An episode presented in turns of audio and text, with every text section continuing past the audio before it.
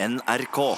Kroppen med Trond-Viggo. En samtale om eldre og demens med lege Bettina Husebø fra Litteraturhuset i Bergen. Vi, la oss begynne med mitt sånn hovedspørsmål. Som du så, så er jeg opptatt av om demens i grunn er en slags funksjon av at vi er mennesker og går mot en død. Er, altså er, er det å lukke hjernen på en måte er, Tror du det er en del av fysiologien med oss som mennesker? Nå sier jeg 'tror', for dette, du vet vel antageligvis ikke du heller, men har du tenkt på det sånn? Nei, jeg har egentlig i mindre grad tenkt på det. Fordi eh, tidligere var det jo mer slik at vi ikke ble så gamle. Nei. Og så var det ikke vanlig at man ble dement heller. Nei. Altså Gjennomsnittsalder for 100 år siden var jo 50 år, kanskje. Mange, mange kvinner døde jo mens de fikk barn. Og um, så det er jo et privilegium at vi kan bli så gamle at vi egentlig kan utvikle en slags demens. Ja. Vi har jo egentlig flaks med det. Ja. Ja. Ja, for det, ikke sant? Man, man blir jo ikke bare tussete av å bli dement. Nei, altså blir jo masse annet også. Jeg er helt enig. Ja. Når jeg begynte som ung lege, og det er jo 30 år siden, da var det jo eh, et stort risiko forbundet med f.eks. hjerteinfarkt, hjerneinfarkt, eh, lårhalsbrudd. Ja, det var jo livstruende. Og folk døde pga. det. Og nå kan vi jo helbrede nesten alt. Eh, også kreftsykdommer. Altså det fins jo eh, veldig gode behandlinger for nesten alle kreftsykdommer. Eller i alle fall at man kan eh, dra sykdommen litt ut. Men eneste hva vi ikke har klart til nå, er faktisk å virkelig få grep om demensutvikling. Og der fins jo også forskjellige typer og forskjellige utviklingsfaser. Men uh, man jobber med det og utvikler eventuelle vaks vaksinasjoner osv.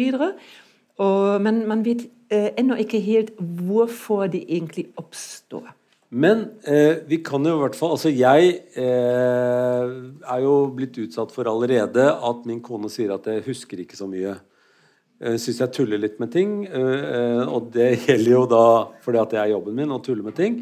Men også fordi at jeg husker ikke navn så godt. Ja. Men jeg har jo aldri husket navn så godt. Det er jo ikke noe som har kommet veldig brått. Eh, jeg sier det fordi at jeg bruker hjernen min til noe annet. Ja. ja. Eh, Eh, hun er- husker masse navn. Jeg husker Ja, ikke så masse ja. navn. Men um, da har vi jo også ofte så en fordeling i ekteskapet. Ja. Vi kan ikke begge være gode på, på én sak. Okay. Ja. Så da, det er så en biologisk nisje. Ja.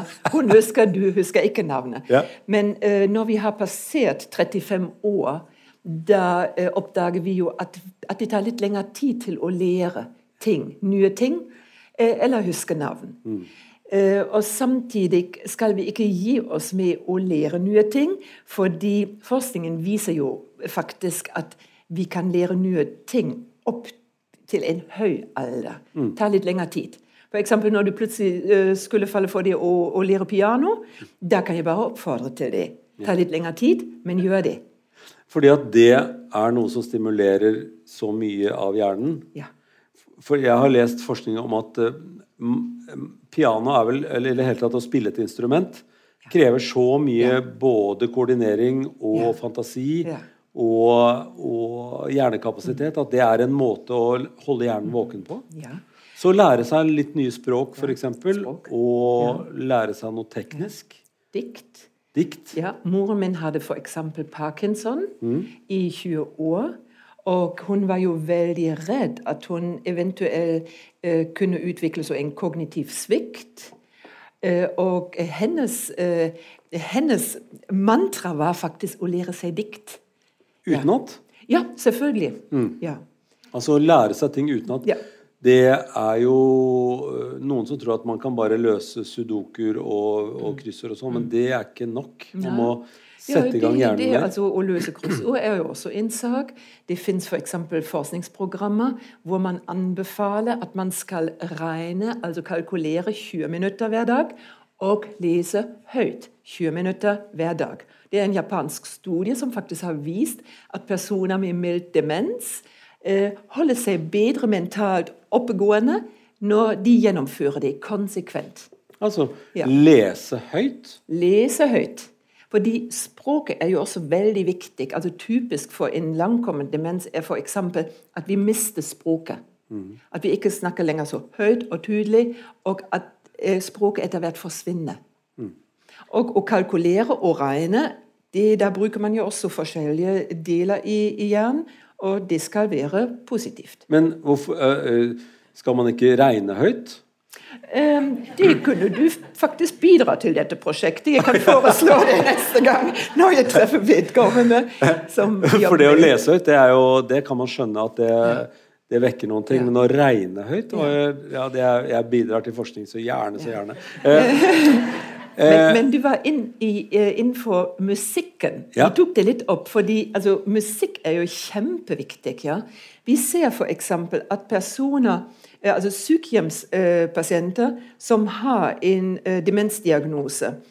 Og de faktisk er ikke lenger i stand til å huske at de nettopp har spist vafler. Men de husker veldig godt disse psalmene som de har lært i barndommen. De vet knapt hvordan de skal holde et ark for å lese faktisk teksten. De trenger ikke å lese teksten, fordi teksten står der fremdeles i hodet. Og musikk setter jo i sving så mange områder i våre hjerner. Det er ikke bare det at vi husker teksten. Det er å følge uh, melodien. Det er hjerterytme. Det er emosjoner. Altså spesielt uh, så kjærlighetssanger når vi har vært 16-17. Ja? Jeg tror også når jeg er gammel, jeg kommer til å være helt giret på disse tyske kjærlighetssangene. Ikke kom inn med noen bergensersanger da, for de, de har jeg aldri lært. Ja? Men tyske sanger, ja. tyske julesanger Da kommer jeg til å gråte ja. når det er min tur. Så, uh, og vi vet også at de er flinke å, um, å lære seg eller å spille et instrument som de har lært denne gangen. Ok, Så jeg bør ta opp igjen og spille piano f.eks. når yep. jeg blir eldre? Ja. Ja, det må jeg si som kongen Han ble spurt om uh, uh, var noen som spurte kongen om han, om han kunne fransk, og så sa han at nei, det kunne han ikke. Og så sa dronningen det er aldri for sent å lære ja, fransk. Og da sa han da kan jeg vente litt til. Ja. så, ja. Det var bra. Så, så, ja. så Men la oss ta La oss ta litt sånn definisjon, for at uh, det å være dement det kan jo være så masse. Ja. Men hva, hva, er det som skal til for at, uh, for at man kan si at man får en diagnose som sier at ja, nå er du inne i noe som kommer til å utvikle seg videre? Ja. Hvordan, hvordan, merker man det? Hvordan kan man si at ja, nå må vi få det undersøkt? Ja, altså Utfordringen med demens er jo egentlig at det oppstår litt uh, når vi blir eldre. Og så tenker vi automatisk ok, denne glemsomheten, eller det at en person forandrer personligheten, er en del av den normale aldringsprosessen. Og så, eh, når vi bor sammen med en person, da venner vi oss også selv til disse merkverdige trekkene, eventuelt, eller glemsomheten osv. osv. Men på et eller annet tidspunkt bør vi virkelig ta tak i det og ta vi bør eh, ta kontakt med fastlegen, så at han eventuelt tar disse testene som er nødvendige, eller at vedkommende blir sendt til en geriatrisk poliklinikk for utredning. Men akkurat som det å skaffe seg høreapparat er veldig vanskelig å få folk til å gjøre, altså ja, innse at de hører dårlig. De tror at alle andre snakker mye saktere, og ja. at utydelig. Ja. Så det å få folk til å innse at, er, at de bør få en hørselsundersøkelse, er jo veldig vanskelig. Så hvor vanskelig er det ikke da å få folk til å si Absolutt. at de er begynt å bli litt Enig. tullete? Enig. Eh, fordi eh, vedkommende er ofte, veldig godt i stand til å kompensere. Mm. Ja? Vi prøver jo selv å kompensere hele tiden. At vi mm. eventuelt ikke kan gå lenger så raskt eller eh, så kvikk. Altså, denne kompenseringsmekanismen holder jo veldig lenge. Mm. Og vi vet at en demenssykdom varer i gjennomsnitt 11,4 år. 11 mm. år? 11 år. Kreftsykdom har fire år, ja, øh, osv. Men det med demens, det går over tid. Men vi vet at kun halvparten av de som bor på et sykehjem, har en demensdiagnose. Og enda færre av de som bor hjemme og har en kognitiv svikt. Mm. Tenk deg eh, hvis vi skulle ha sagt samme sak om en kreftdiagnose, at vi sa ok, halvparten av vår befolkning eh, er ikke diagnostisert for kreftsykdommen hvis det faktisk er tilfellet. Mm. Det ville jo ikke bare være helseministeren som måtte ta hatten. Mm. Men i forhold til demens, da tåler vi, da tolererer vi faktisk, da aksepterer vi at de ikke er diagnostisert.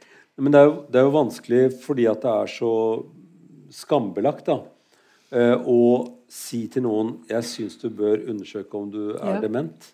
Ja, altså det sitter veldig langt inne. Skambelagt. Men la oss si det sånn. Eh, for 30-40 år siden var det skambelagt å få en kreftdiagnose. Mm. Så tingene er jo veldig i forandring. Og jeg er veldig glad for denne forandring, fordi uh, myndighetene, politikerne, uh, fagpersoner innenfor helse, de har en veldig høy fokus på det. Mm. Nasjonalt og internasjonalt. Ja, så Fordi man kan gjøre noe med noe av det. Ja. Um, og gjøre livet mye bedre med ja. det. ikke sant?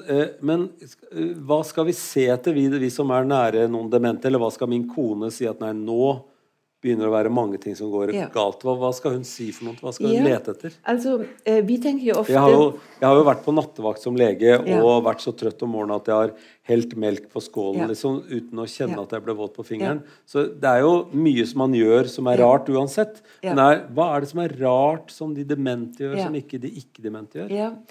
Altså, um, la oss si det sånn, Når vi snakker demens, da tenker vi ofte glemsomhet. Mm.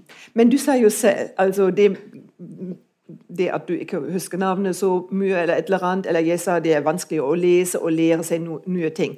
Det er altså en naturlig prosess, glemsomhet. Glemsomhet kan selvfølgelig også være et tegn for en alvorlig demens. Men det hvor man egentlig bør være obs på, er når vedkommende viser en forandring i atferden. Mm. Altså Vanligvis en veldig rolig, behagelig type. Plutselig begynner vedkommende til å være mer hissig eller opprørt. Lett opprørt. Mm. Um, eller deprimert. Det er ofte vanskelig å skille depresjon fra demens. Fordi de kan være relatert mot hverandre. Mm. Så det er forskjellige, eller apatisk. Ja, så, så, så, hvis det er noen litt alvorligere forandringer ja. på personligheten på en på, eller annen måte På personligheten. Mm kombinert med glemsomhet, ja. ville jeg ha sagt. Okay. Og det har jo um, store konsekvenser. Mm. Det har konsekvenser for alle rundt, familien. Det er en stor belastning ofte for familien. Også denne usikkerheten fordi man mener det vel, og plutselig oppdager man at partneren eventuelt ikke lenger fungerer på denne måten. Det har økonomiske konsekvenser hvis noen hadde hele tiden ansvar for økonomien hjemme. Det har konsekvenser når man kjører bil, f.eks. Det har konsekvenser i arbeidslivet, fordi uh, det kan jo også opptre i før pensjonsalderen. Mm. Det har konsek store konsekvenser for et sosialt liv, familieliv. Barna blir for forundret. Barnebarn blir forundret. Mm. Så, Så, en avklaring er kjempeviktig. Avklaringen og, og, ja. og hva, hva, kan og en, årsak Og en annen sak Unnskyld at jeg eh, Det går fint. Unnskyld, unnskyld. Unnskyld, eh, unnskyld. unnskyld, unnskyld. Ja. En sak som jeg også tenker er veldig viktig i denne avklaring. Det må jo ikke være demens. Det kan jo f.eks. også være en annen forandring i hjernen. Mm. Bare for å utelukke det. Mm. Fordi det kunne jo også være en slags hjernetumor, f.eks. Ja, svulst ja, svulst. Eller en, slag. Slag. Eller en bitte liten blødning som har utvidet seg der. Mm. Altså det, det finnes jo forskjellige det, er, det kaller man faktisk differensialdiagnoser. Så at man må utelukke andre mm. diagnoser også. Mm. Og det er kjempeviktig. Så uh, hvis vi går hva slags, Fins det forskjellige typer uh, demens som har ulike årsaker og dermed ulik bane? holdt jeg på å si? Ja, ja. faktisk. Uh, man eh, kan egentlig Demenssykdommer, alt rundt demens, deler man egentlig inn i tre grupper. Den første gruppen da er faktisk demens relatert til at den hvite hjernesubstansen er syk. Da har man avlagringer med eggehviter eller disse forbindelsene mellom neuronene, nerveledning, er på et eller annet vis og måte um, redusert. For å si det veldig enkelt, det er altså selve hjernen som forandrer selve seg? Selve hjernen forandrer seg. Ja, okay. Den andre gruppen da forandrer seg blodforsyning til hjernen. Pga. et slag, hjerteinfarkt eller blodårene som er forandret. Disse to gruppene er nesten like store. Ja. Men den tredje gruppen er minst, og det har noe å gjøre med infeksjoner, slag mot hodet, vitaminmangel. Ja, Okay. Sånt. Så man må Tumor. ikke drive for mye med boksing mot hodet? Boksing er ikke til å anbefale. Nei. Hørte du det, Brekkhus? Ja. Eh, men infeksjoner og sånt, og det er vel kanskje ikke så vanlig hos oss, da, men det kan forekomme? Nei, altså noe som man eksempel eh, Tidligere var det jo veldig mye omtalt eh, kugalskap. Ja, kugalskap. Ja, kugalskap. Eh, eller for eksempel, og det fins heller ikke lenger her, syfilis. Eller hiv. Ja. Så det er den type funksjoner. ja, og så er det sikkert. noen vitaminmangler som kan også Ja. føre til uh, man antar vitamin B-mangel Ja. kan eksempel bidra til Og det. det er ganske vanlig hos mange eldre folk også. Ja, og sånn. det bør sjekkes av og til. Ja. Så sånne ting. Og det andre som du sa om hjerneslag og sånne ting, er det jo For hjerneslag er jo et altså hjern, Blodpropp i hjernen er jo et ganske eh, Ja. vanlig forekommende ting. Og der sa du at det er i hvert fall tre symptomer man må kikke etter veldig fort. Og få ringt 113 og kommet inn og få behandling. For det er mye bedre behandling for det nå enn før. Ja. Si hva de tre symptomene er, så vi bare kan ha sagt det. Ja, altså at man f.eks. ikke lenger kan plystre. Man står om morgenen foran speilet eh, på badet. Men det gjelder at man da har ikke. plystret før, ikke sant? Ja, ja, Ok? Ja. riktig. Men man, man slutter å plystre? Ja, man slutter å plystre. Ja. Eh, Så er det mulig at man har innlammelse i Så armen. får ja, Eller skjevt ansikt, eller Skjevt ansikt. ikke kan bruke den armen armen eller ene benet. Ja. Ja. Og i skjevt ansikte. Så man ser, det, ser i speilet at det er et eller annet rart. Eller at man er veldig forvirret på en eller annen måte. Ja, forvirret. Ja. Ja. Og da må man på en eller annen måte få hjelp, da, og så ringe 113. Så raskt som mulig. Ja, for hvis man får hjelp innen fort, Så kort tid, fort som mulig. får man hjelp, så er det ganske Ja. Ja. mulig å få det til å gå over, altså. Bare så det er sagt. Ja, det er en veldig, veldig god sjanse. Mm. Eh, også her i Bergen er man jo veldig spesialisert eh, på det, for å fiske ut eventuelt denne eh, Man kaller det trombos, altså denne blodkoagelproppen. Hvis man Fiske klarer det det. ut. Hvis, Hvis man det er klarer det. Ja.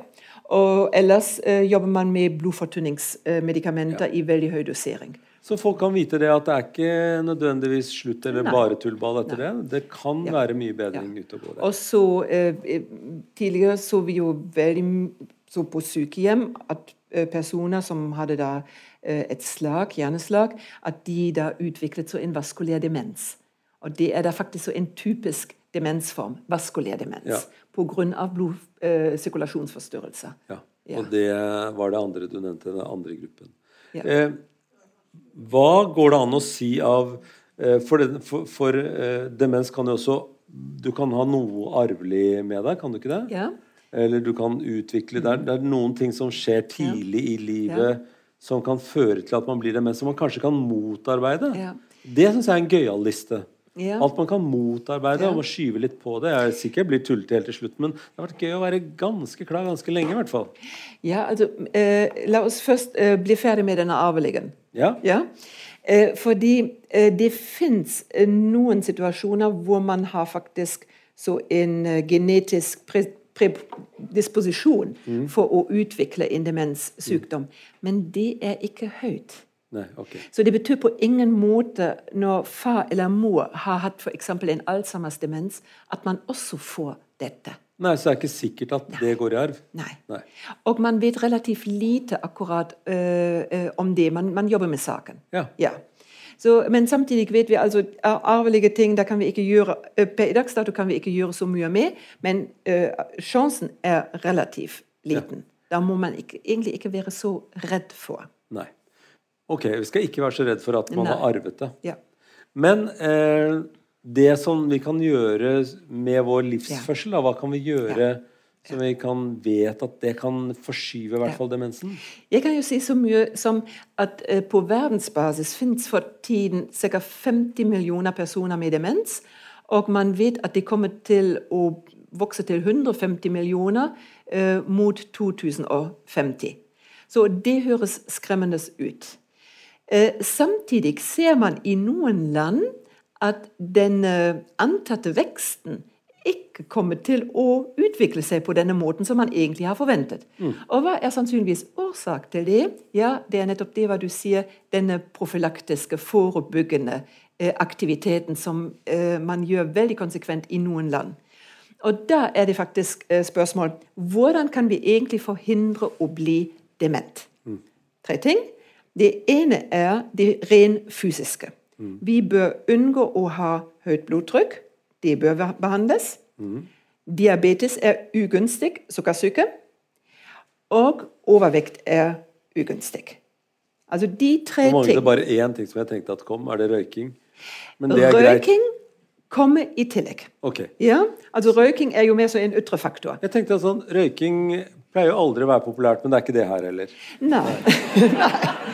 Eh, eh, rett og slett ikke. fordi vi vet jo også at det kan være så en triggerfaktor for å få et slag. Ja, Ja. Okay. Og, og høyt blodtrykk. Altså, du kan si alt har noe å gjøre med alt. Jo, det er Jo. så. Men det, eh, alkohol, hjelper det? Er det bra eller dårlig? Ja, man sier jo Vi bare tar lista ja, nå. La, la oss bare sette kryss på det. Ja. Man sier jo at litt rødvin om aften kan være bra. Ja. Men du sa det med en litt sånn jo.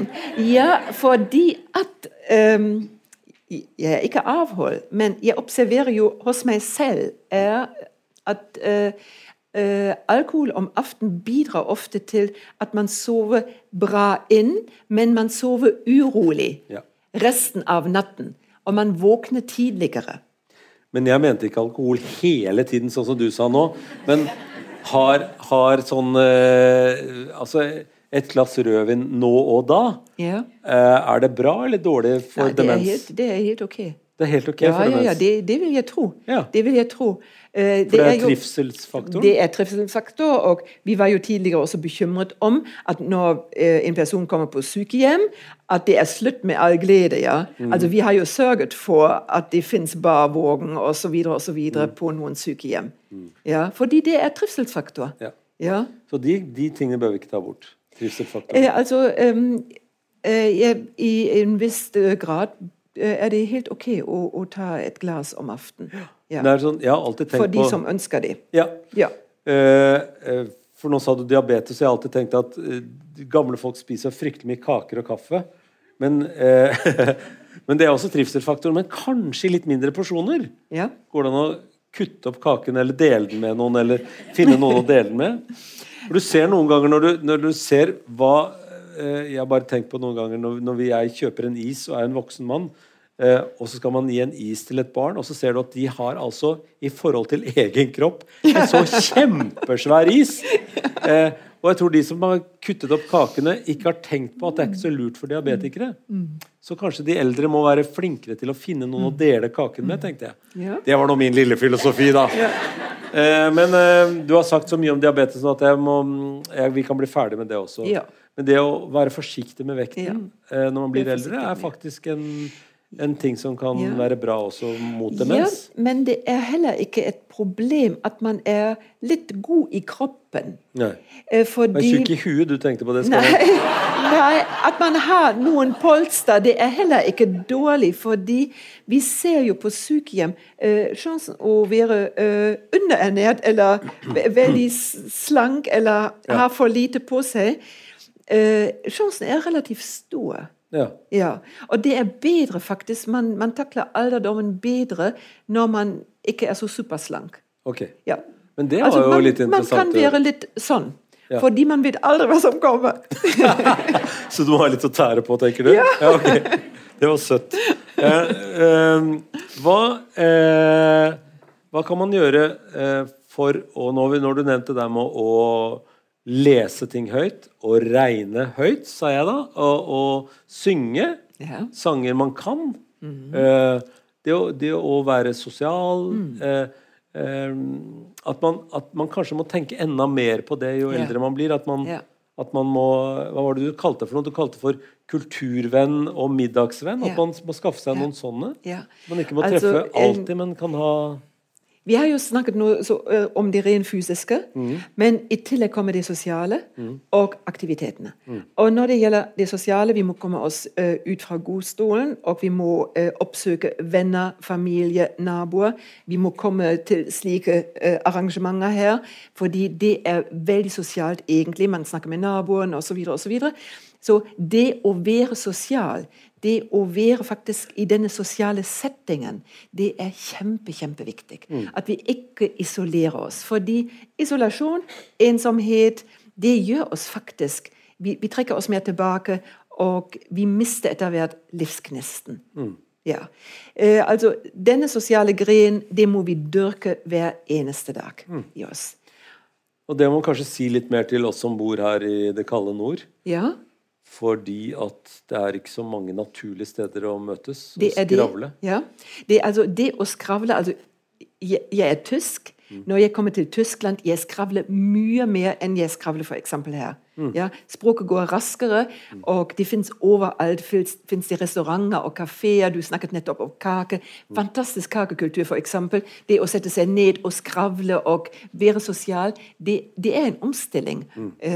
Og her må man mer aktivt oppsøke uh, andre. Ja. Men det har jo selvfølgelig også sine fordeler. Ja, jeg, jeg, har hørt en veldig søt historie om en som var flyktning til Norge. Ja. Og uh, kom, skulle fra flyktningmottak så skulle de da inn til byen og bare se på hvordan vi hadde det i byene her. Og, og der satt alle stille på bussen, sa ingenting til hverandre. Og da tenkte hun også nå er det noe landesorg, så jeg må være stille, jeg også. landesorg høres bra ut.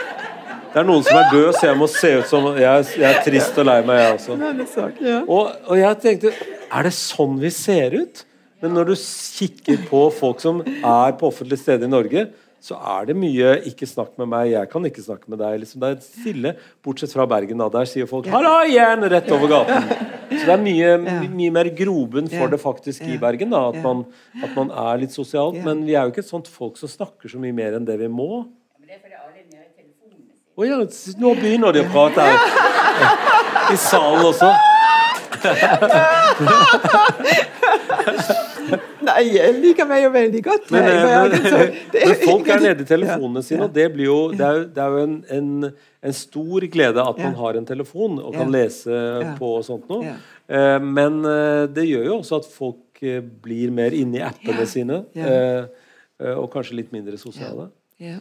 Så vi må kanskje jobbe litt mer der, med å, å, prate litt med hverandre. Uh, og, og, og, og, rett og slett bare tørre. Mm. Uh, det der å være sosial uh, høres jo litt sånn, sånn Jeg gjør det for terapiens skyld, men hva er, det, hva er, det, det gjør med deg som person? Du nevnte at du blir mindre isolert. Det er jo helt soleklart. Men man blir jo også mindre deprimert, har du sagt. Ja, eh, Så, og depresjon er jo en, en ting ja. som ja. virker eh, mot sin hensikt, holdt jeg på å si, i den forstand at man, man, ønsker det egentlig ikke. Ja. Uh, og um, vi sa jo tidligere at uh, av og til, og akkurat i begynnelsen, er det vanskelig å skille uh, demens fra depresjon. Fordi begge fører til at vi trekker oss tilbake. Så det er ofte ikke så lett å diagnostisere og skille fra hverandre. Mm. Men at vi blir mer uh, inneslukket, eventuelt deprimert når vi blir eldre, det er jo ikke uvanlig. Og mange tar faktisk også antidepressiva. Mm. Og vi ser, og det er en sørgelig utvikling, at uh, nesten 40% av de som bor på et norsk sykehjem, at de får antidepressiva. Og så sier forskningen også at når man har en demens og er deprimert, da hjelper ikke antidepressiva. De hjelper like mye som uh, placebo, altså sukkertabletter. Mm. Altså, hos noen hjelper de selvfølgelig, hos andre har de alvorlige bivirkninger, men hos de fleste har de ingen effekt i det hele tatt. Like mye effekt som sukkertabletter. Mm. Så um, da har man heller ikke funnet en løsning. Og spørsmålet er er da en depresjon, denne depresjonen som vi tenker på, altså mer en, en endogen, hjernestyret øh, depresjon, eller er det mer en tristhet, en livssorg? Fordi øh, det er en forskjell mellom sorg og en reell depresjon.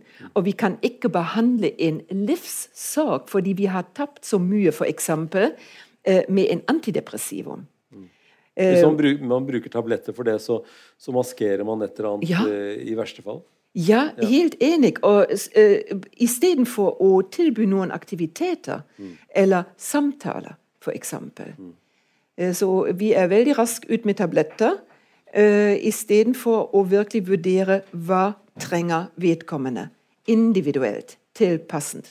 Og da er vi jo inn i aktivitetene, fordi uh, ved siden av kropp og det sosiale er jo fysiske aktiviteter. Det var, som holder oss virkelig oppreist og Men- i godt humør. Ja, det, og det gjør det jo for de Ja. fleste. Altså, hvis man løper, så får man Ja. endorfiner i blodet, og så, Ja. så blir man litt oppstemt. Altså, man lager Ja. gladhet selv inni seg. Ja. Men er det, er det sånn at eh, aktivitet også virker mot demens? Altså at man fysisk bruker kroppen virker mot demens? Eh, og det er jo ikke så lett å eh, påvise, fordi ut fra forskningen Så du sa ikke ja helt til det? Nei, eh, vent. Ja. det kommer nå. Eh, ut fra forskningen må du jo da i et, slag, i et slags forskningsdesign følge opp personer veldig lenge. Ja, over flere eh, ti år. Eh, For å virkelig kunne vise har nå aktivitetene ført til at denne gruppen eh, personer ble mindre dement, eller det ble forskyvet. Og Der kommer nå de første studiene fra Japan, hvor man har undersøkt store kohorter av personer, og har undersøkt faktisk hva slags aktiviteter nå snakket du veldig fort. så jeg bare Å, ja. si hva Nei, unnskyld, det var, var ikke noe mening å, å stoppe det annet enn å si at du sa kohorter veldig fort. Gruppe. Ja, Store Gruppe. grupper av folk som er født Ja. samtidig. Nettopp. Ja. Og de har man fulgt med, og man har registrert hva slags aktiviteter de har gjort. Og så har man sammenlignet de som har gjort mange aktiviteter, var mye sosialt, men fysiske aktiviteter også, ja, med de som hadde mindre fysiske aktiviteter. Og der kunne man vise at de med fysiske aktiviteter ble i mindre grad dement, eller senere eh, fikk de da en kognitiv svikt. Ja. Så, men hva var det de gjorde, da? holdt jeg på å si? At det, det kan jo ikke være nok å bare reise og sette seg og reise og sette seg og vifte litt med armene. Ja. Man må gjøre et eller annet litt Det er jo litt mer da sannsynligvis Gjorde de japanske ja, ting? Japanske aktiviteter. Ja, Ja. noe sånt. noe ja, så man. Hvor man gjør ting i en park, og, og at det er et. Mm. mønster. Ok, Gjorde de det? Ja. Ok. Så de gjorde noe tai chi-aktig Ja. eller noe, noe Eller gå eller løpe eller Ja. ja, være ute i naturen. Sånn å være i naturen, altså. Ja. Det holder ikke å gå Ja. til posthuset og Eh, tilbake. altså interessant, em, interessant er jo effekten av naturen. Fordi vi kobler jo av på en helt annen måte. Og spesielt når vi går i ulendt terreng, f.eks. Og jeg kan jo sitere, sitere dronningen, som sa faktisk når jeg går opp på fjellet og jeg må sette mine føtter med omhu på en ulendt sti, da blir problemene i dalen.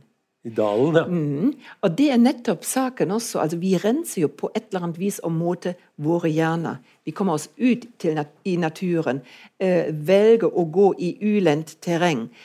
Og vi må se på føttene, hvor vi setter føttene.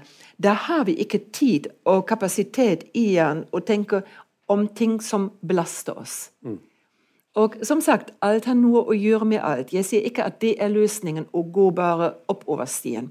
Men det er faktisk en, så en um, supplement. Det, er en, det har, alt har så en additiv effekt. Så på samme måte som musikk og sang eh, stimulerer, Ja. eller setter i gang mange deler av hjernen, så vil også det å gå i altså, ulendt terreng, uansett hvor lite ulendt det er, holdt jeg på å si, Ja, så må man balansere, man må, må, må tenke på andre ting, må Ja. tenke på hvor man setter føttene. Ja. Ja, så det, det er med på å stimulere hjernen, og dermed hindre demens, da. Ja.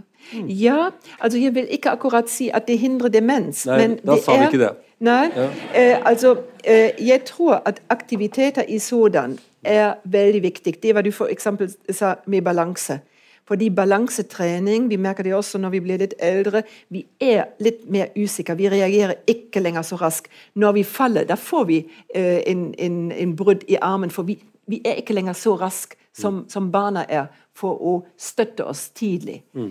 Så altså, Det med balanse er også en, en, del som gjennom eh, trening, ulendt terreng, gå på tur, forebygges. Mm. Ja. Det var en jeg intervjuet om å bli gammel, og hun sa at man skal gå trappene oppover uten ja. å holde seg i gelendere, og trappene nedover alltid holde seg ved gelendere. For da slipper du å snuble. Ja. Men uh, oppover så kan man liksom snuble. Det er som man ja. kan kjøre fort med bil oppoverbakke, men aldri kjøre fort med bil nedoverbakke når det er glatt. Så er det sagt. Uh, fint. Uh, jeg lærer så mye, og jeg tror jeg allerede er inne på en del aktiviteter som jeg kan holde på med en god stund til.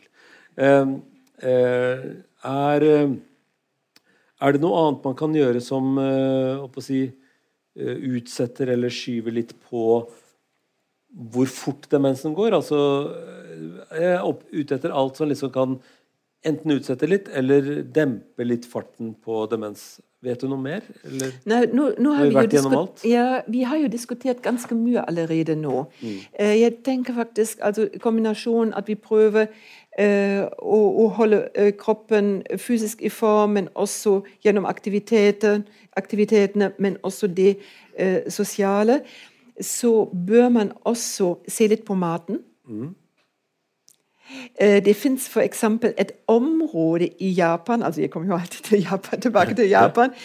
Og jeg gjør det faktisk fordi at Japan har den eldste befolkningen mm, i verden. I verden. Mm. Eh, og riktignok dør da eh, nesten 80% på sykehus. alle de gamle døde etter hvert, er det det du sier? Ja. ja. ja. Det, det, det, har vi alle til felles, faktisk. Det er det eneste som er sikkert. Men uh, japanerne har også noe som er litt spesielt. Fordi det fins et, altså et, lite område i Japan hvor folk ikke blir dement. Oh. Ja. Og uh, det har man prøvd å undersøke hvorfor er det egentlig slikt. Og sannsynligvis har det noe å gjøre med vannkvaliteten, og de spiser veldig mye tang. Tang? De bor rett ved havet, og tang er faktisk hverdagsmaten. Ja? Fra barndommen til opp i høy alder. Og det er veldig interessant. Altså, det fins en, uh, en, film om det, og jeg var veldig veldig forbauset over, over, uh, over, denne observasjonen. Hva er det ved tangen, da? Uh, man vet ikke det. Nei. Nei. Man vet mye om tang, ja. men ja. man vet ikke om Nei, men effekten på demens vet man ikke, eller hvorfor Nei. de ikke utvikler det. da. Nei. og så er det jo Spiser ikke fisk samtidig som de spiser sikkert tang? Også, sikkert ja. også.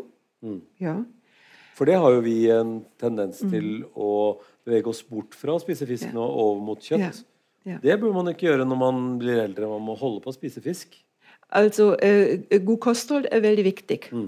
Grønt og, Grønt fisk, fisk, og, ja, og tang. Mm. Så den tranen Hva var det du sa til slutt? Tang. Tang, ja. Tang, eh, eh, kan man bytte det ut med tran, f.eks., som jeg kjenner mye bedre? Jeg, jeg, hvis jeg hadde gått ned til og sett på Jeg vet jo hvor mange steder hvor det er tang, men det er jo ikke det første jeg vet hva jeg skal lage av. Nei, jeg, Spiser de det rått? Nei, eh, det, de vet jeg faktisk ikke. Lager de mel av det, eller? Mm, jeg, jeg, vet ikke hvordan de gjør det. Så fint at du ikke vet, ja. for da kan vi bare ja.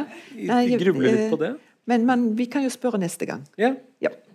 Um, men en annen sak er jo også at vi bør være tilbakeholdne med medikamenter. Det er det neste punktet mitt. Det er et veldig yep. stort punkt på min liste her. Yep. For at det som skjer eh, med, med, vår vestlige verden, er jo at det fins medikamenter for alt mulig rart. Yep. Og folk har lett for å ty til medikamenter. Eh, altså litt vondt i hodet, mm. eh, litt infeksjon, mm. litt noen andre ting, så er det medikamenter mm. å hente. Mm. Men det fører også til at det er noen som hoper seg opp med medikamenter. Så man ender opp og blir gammel med å ha plastposer fulle av ting man har spist. Det har jeg sett på, på sykehuset. Det ble jeg så deprimert av. Men fordi at folk eh, har en tendens til ja, den har jeg fått beskjed om å ta den, og så fikk, gikk jeg til en lege og så fikk jeg beskjed om å ta den òg. Og så viser det seg at de to tingene virker enten mot hverandre eller samme vei og er altfor mye, f.eks. Ja. Så det å ta en liten opprydning i hva man spiser av tabletter, levere noe til apoteket tilbake igjen og si Ja. ellers takk, dette trenger jeg Ja. ikke. Og det som er veldig sørgelig, er at eh, eh, personer som bor på sykehjem i Norge, de får i gjennomsnitt åtte faste medikamenter pluss fire ved behov. Og så sa vi det med antidepressiva. 39% får antidepressiva. 39 Nesten 40 mm, Uten at de er egentlig virkelig diagnostisert på en depresjon. Og vi sa jo det med sorg og depresjon.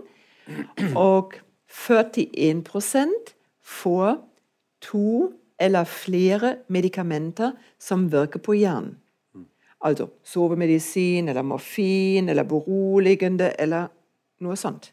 Og mange av disse medikamentene virker jo annerledes jo eldre du blir, eller jo Ja. mindre du spiser, f.eks. Eller altså alt Ja. mulig sånn. Fordi kroppen er ofte mer skral. Vi har mindre eh, fett, og vi har mindre muskulatur, væske osv. Og, og ofte har vedkommende en, så en mer latent, altså skjult leversvikt eller nyresvikt. Og så er det ikke bare den ene medisinen men i, som er da farlig eventuell, men disse interaksjonene med hverandre. Og vi ville ikke ha vært her i kveld hvis vi skulle ha spist alle disse medikamentene som mange sykehjemspasienter får. Ikke bare én gang for dagen, men flere ganger for dagen. Da ville du kanskje vært på sykehjem isteden Ja, og spist akkurat de tablettene. Ja. For det fryktelige her er jo at dette her hoper seg opp Ja. hos folk som kanskje ikke burde ha disse medikamentene. Og som kanskje ville hatt et mye bedre funksjonsnivå. ja. Og eh, gjennom alle disse medikamentene tilsløres jo også den reelle tilstanden.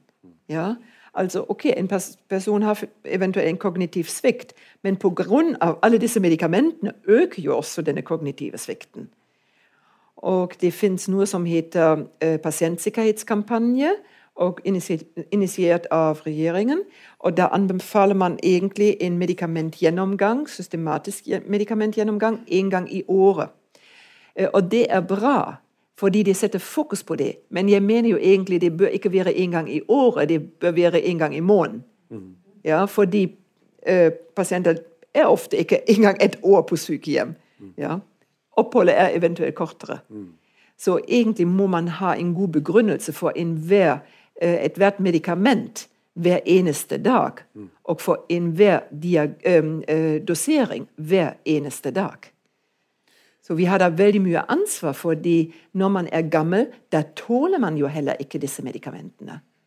Og mitt forskningsområde er faktisk smertevurdering og smertebehandling hos personer med demens. Fordi de ofte kan ikke si fra. Og eh, vi ser jo også at disse smertemedikamentene de øker betydelig på sykehjem. Men nå er det faktisk slik at nesten alle får paracetamol tre ganger for dagen de siste tre årene av sine liv. Og det er heller ikke god smertebehandling. Ja? Altså, vedkommende skal få smertebehandling da og da når det gjelder, og ellers må man også gå ut med det.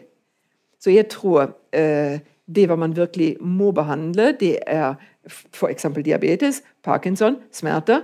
Og resten kan man virkelig diskutere. Fordi hvis noen hadde høyt blodtrykk for 20 år siden, men har nå fallert vekt osv., har ikke lenger denne stress eh, på jobben, ja, da er vanligvis blodtrykket helt normalt. Og når man er eldre eller gammel, da trenger man faktisk et godt blodtrykk med 140, og ikke med 90, fordi det er da farlig. Ja, For da kan Ja. du besvime. Da kan man veldig besvime, og ikke bare at blodtrykket går ned, men også pulsen går ned. Og eh, det kan faktisk eh, føre til balanseproblemer og eh, eventuelt slag osv. osv. Ja. Så dette er en svær varseltrekant til folk Ja. som da vet at de tar tabletter. Ja. Sjekk om du trenger de tablettene. Ja. Og hvis du trengte dem før, så kanskje du ikke trenger dem lenger. Ja. Så det må man si til alle at neste gang hvis du må til fastlegen snart, Ja. så ta med hele plastposen Ja. og spør hva, hvorfor tar jeg dette der. Og så er det jo også slik eh, Man kan jo eh, prøve å, å, å ta en pause Ja? Altså, vi sier ikke at man skal seponere alt, men man kan ta en pause. Og så kan man se hvordan man har det, og om man egentlig savner det. Ingen skam å snu, man kan begynne med det igjen. Og Det er også litt prinsippet når man gjør medikamentgjennomgang på sykehjem. Da tar man en pause. Viktig er at man informerer vedkommende, pasienten, og at man tar seg en telefonsamtale til datteren eller sønnen og sier faktisk nå var vi nettopp på visitt, og vi så litt på disse medikamentene, og nå vi, prøver vi å ta en pause med det eller det. Og så ber man faktisk datteren eller sønnen å observere faren eller mor godt. Uh, for å ha flere øyne på det og uh, se litt hvordan det går. Nå snakker du til våre kollegaer, på en måte. Du, du snakker til alle de som driver med eldre folk og medisin, og gir dem tabletter. Ja. At man kanskje kan uh, ta en pause. Ja. Men for det skal man ikke gjøre selv. Bare um, holde opp med alt. Um, altså, Det kommer jo an på Man kan jo Sier du at vi skal holde opp med alt? Det var interessant. altså, Folk som er over 70 år, kan la være å ta noen tabletter og se hvordan det går? Nei, altså Jeg vil jo ha rådført meg med fastlegen der. Ja, der har vi det. Ja. Der har vi det. Ja, ja, ja. ja jeg var litt, litt sånn uengstelig for prosjektet ditt nå. For det er mm. et svært prosjekt det der, der altså, hvis alle skulle stoppe med ting. Men det å ha fokus på det, og, og, skjønne at man kanskje mm. overforbruker noen tabletter som, som, rett og slett ikke er bra for deg, som gjør det verre mm. um, hvordan, uh, Nå var vi langt inn i det at folk allerede er demente. Mm. Så la oss gå den siste stien. Mm. Liksom, at du sa det var elleve år fra man begynner å bli dement, til mm. man dør. Mm. Med demens, antageligvis. Mm. For man må jo dø med noe også. Man kan ikke bare dø av noe. Um, så, uh, så, det er jo ganske lang tid, da. Uh, ja. um, de fleste vil jo gjerne bo hjemme nå. De vil helst ikke bo på et sykehjem. Uh, hva skal man gjøre hvis man da vet at nå begynner min pårørende, eller altså min far eller mor, og blir litt dement, hva skal man gjøre da? Hva bør være planen, slagplanen for et, for et barn eller nære pårørende? Mm. Sånn? Eh, altså, som, som, du sa, gjennomsnittlig varer en demens eh, elleve eh, år. Mm. Eh, så fins det et annet nøkkeltall, at man sier eh, når man har fått en demensdiagnose, som kommer da senere, mm da har man i gjennomsnitt ca. fire-fem år å leve. Mm. Uh, selvfølgelig kan det være lenger, det kommer jo an på når di diagnosen stilles. Men egentlig, når en diagnose stilles, da er det jo et spørsmål trenger vi allerede hjelp hjemme, eller vi bør i alle fall ha en fast koordinator. Ja, altså En diagnose stilles ved f.eks. en geriatrisk poliklinikk, og så bør kommunen egentlig sørge for at vedkommende får en fast kontaktperson. Mm. Som ikke er fastlegen? Nei. Altså en fast kontaktperson i, i kommunen. I kommunen? Ja. ja. Uh, demensteam eller noen fra kommunen. Fastlegen har en annen rolle. Vedkommende bør følge opp uh, personen medisinsk sett. Mm. Men um, men alle tiltakene rundt? Ja, liksom? ja. alle tiltakene rundt. Eller når man har spørsmål, når man er bekymret, når det har skjedd noe nytt, eller et eller annet. Det betyr på ingen måte at allerede uh, hjemmesykepleien må være inn i bildet. Ja? Men bare at man har denne sikkerheten, at man kan ringe en person. Mm. Og man bør ha en slags individuell plan. Altså at man faktisk har en plan for uh, hvordan går det videre. Så da må man kanskje og så finne ut hvem er det man har å spille på. Hvem, hvem er de familiene Familie som rundt. kan brukes? Ja. Eller, og venner. Ja. Ja. Familie rundt, venner, naboer. Alle som er egentlig relatert. Mm. Spørsmålet er også ønsker man å ha f.eks. støtte eller kontakt fra noen frivillige. Mm. Altså, vi har jo veldig høy satsing på frivillighet her i Norge, og det er kjempebra. Men de aller fleste frivillige er rettet mot idretten og barn. Og ja, sånn, ja. Mm. Med basarer ja, og ting. Ja. ja. Men i mindre grad med f.eks. Um, sykehjemsaktiviteter eller hjemmebesøk mm. til personer som eventuelt har en demensdiagnose. For Du sa, eller var jeg som sa det i starten, at vi har snakket om dette her. Og da sa du sånn man kan være en kulturvenn og en middagsvenn. Ja. Dette var et sånn nye begrepet, litt artig for meg. Ja. en ting er at man skal synge og regne høyt, men altså det der å å, å, melde seg som kulturvenn. Altså at man har noen man ringer til Ja. når man skal på et eller annet kultur. Altså rett og slett ta med og folk som kan være i demensfase, Ja. men allikevel ha stor glede Ja. og, og vil forminske liksom plagene og øke livsgnisten hos Ja. disse menneskene også. Ja, en slags um, besøksvenn. Mm. Men uh, det er jo veldig individuelt. Og det er jo veldig viktig at vi spør først og fremst altså, hva betyr egentlig noe for deg. Mm. Hva syns du er gøy? Ja. Ja. Altså, um, og, og på engelsk heter det egentlig 'What matters to you'? Ja. Ja, altså Hva betyr egentlig noe for deg? Fordi, for, den, for den ene personen er det å synge eller gå på museum, og for den andre er det å gå på tur, f.eks. Eller at man bare får besøk hjemme og tar seg en kopp kaffe. Mm. Ja. Og deler en kake. ja. Dele denne kaken. Ja. Så eh, det å kartlegge det sosiale nettverket er veldig, veldig avgjørende. Også for å avlaste familien, fordi at når vi tenker på at en demenssykdom kan vare så lenge, da er jo belastningen for familien enormt stor. Og vi vet også at familiemedlemmer har en høyere sjanse til f.eks. selv utvikle en depresjon, eller også bli syk pga. denne omsorgsbyrden. Hvis den er for stor. Hvis det er en for stor. Og det er jo selvfølgelig Det er nesten ikke til å forestille seg hva våre familier stiller her i Norge, fordi det er en person som er syk og har en demens. Vi har i Norge for tiden 70 000 personer med demens i Norge. De kommer til å fordoble seg i løpet av de neste 20 årene. Men du kan si i forhold til enhver person som har en demenssykdom, er det ca. tre familiemedlemmer som er mer eller mindre berørt eh, av det. Det er partneren, eller det er barn som er bekymret, som tar ansvar. Eh, og vi er jo veldig heldige her i Norge at de aller fleste med langkommen demens kan få en plass på sykehjem. Og eh, vi vet jo også at over, langt over 90% 95 eh, med demens dør også på sykehjem. Og vi har egentlig flaks i Norge, fordi sammenlignet med andre land har vi enormt mange sykehjemssenger per innbyggere. Det fins ikke ett land i hele verden som har relativt sett så mange sykehjemssenger som Norge.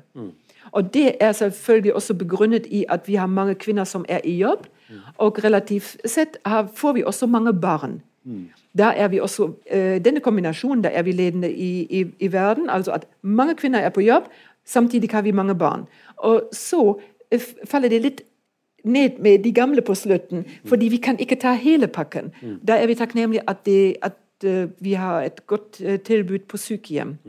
Men samtidig, samtidig, du spurte jo også hva skjer da egentlig når, vi, når vedkommende får denne diagnosen. Da bør vi sette oss egentlig ned og snakke med hverandre og spørre du, hva er egentlig viktig for deg nå, mens du fremdeles kan eh, snakke om det.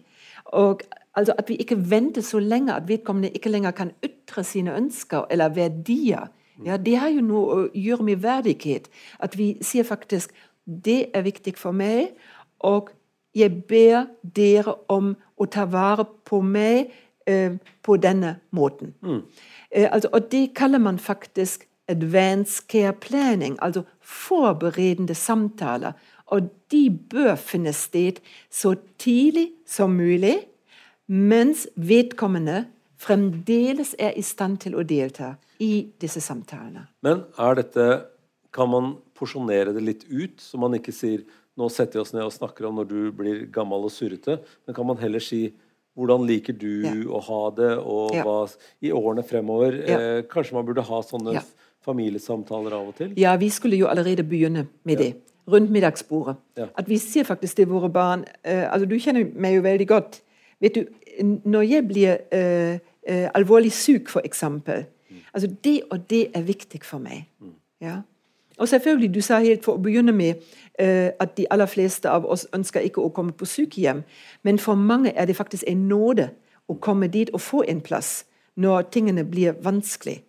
Men da er det jo ofte de pårørende som må ta avgjørelsen, men vi må ha snakket med vedkommende før det er for sent. Ja. Så gjør et topic ut av det. Ja. Så én ting er den vanskelige samtalen med ungdommene om sex når de er unge. Ja. Men den vanskelige samtalen med de gamle Ja. om hvordan Ja. vil du ha slutten av livet ditt, Ja. den bør vi kanskje ta som Ja. en sånn derre Jeg skal høre det når barna kommer til meg og spør hvordan vil du ha slutten av livet Ja. ditt, pappa. Da må jeg ha, ha, ha tid til å ta en prat, altså. ja. Eh, Det skal jeg legge merke til. Så, så, eh, men kanskje vi, skal, kanskje vi skal gjøre det? Kanskje det er en ting å ta en prat om? Så vi er ferdig med det? Ja. Akkurat som begravelsen. Det. Er det jo mange som er veldig opptatt av. Den er ikke jeg så opptatt av, for der kommer jeg ikke til å være til stede. Eh, men eh, Og så har de snakket litt grann om hva kan, eh, kan vi gjøre selv, vi som etter hvert blir gamle. ja. Vi har liksom snakket om hva er det lurt å ha som strategi for at man skal få, få det fint hvis Ja. man blir dement. og sånt noe. ja. Eh, og da sa du Du ga sånne tre ord. Invester i nære forhold. Det er veldig forståelig. Altså, Husk på at du har venner eh, Ja. som man kan treffe litt oftere. Vær grei med barna og din, dine nærmeste. Og så hadde 'hold litt mer kjeft', skrev du. Ja, at de gamle skal holde litt mer kjeft. Nei, men jeg sa faktisk man skal eh, stille seg fint med, med svigerdatteren. Ja, Ja. Svigerdatteren. Wow! Ja, men der er et godt prosjekt allerede. Ja. Ja. Nei, altså eh, vi, vi, eh, Jeg tror faktisk vi, vi må, vi må lytte, lytte til de, de unge. Mm. Eh, Og, at vi er litt behagelige selv så, når vi blir gamle. Ja, Og vi ikke- må bruke våre gode sider. ja. Altså være litt eh, En som folk har lyst til å være sammen med. Ja. Eh, og du sa også 'vær den trivelige gamle', sa du. Ja. Det høres jo veldig koselig ut. da. Men, og og, en liten sak som jeg ønsker også å si helt på slutten. En av de nye resultatene er faktisk at det å få en demenssykdom, det begynner allerede veldig, veldig tidlig i oppveksten. Fordi da dette var veldig trist da, nyhet. da, nei, men det vet vi jo når vi har barn og barnebarn. Det er den gode nyheten. Mm. Fordi vi kan jo passe på våre barnebarn da også. Ja, Det har noe å gjøre med utdannelse, med aktiviteter, med idrett, med ernæring. Alle disse tingene. Det allerede preges veldig, veldig tidlig i oppveksten. Og som hindrer oss i å bli dement Nettopp. eventuelt? Ja. Nettopp. Okay. Altså, Altså, vi- utdannelse og Ja. aktivitet og sånn? Ernæring, Ja. aktivitet, og at vi prøver å ja, Stimulere og stimulere, vekke interesse for Wow, det er gøy. Ja. Ja. Og da er det, da er det din rolle som bestefar å trå til. Ja. Ja. Men samtidig så må jeg ikke fortelle alle de historiene jeg har fortalt før. Altså holde litt mer kjeft. Eh, stille spørsmål isteden. Være en trivelig gamle. Ja. Eh, eh, og satse på Heia på, nære. heia på disse ungene. Åh, dette, dette, dette var veldig veldig Ja. fine eh, avslutningsord på denne veldig flotte, oversiktlige samtalen. Nå syns jeg vet så mye mer om demens, Ja. og gleder meg til å oppdage at det ikke er nå jeg skal få det. Eh, jeg venter litt til. Tusen takk for at dere kom. Tusen takk.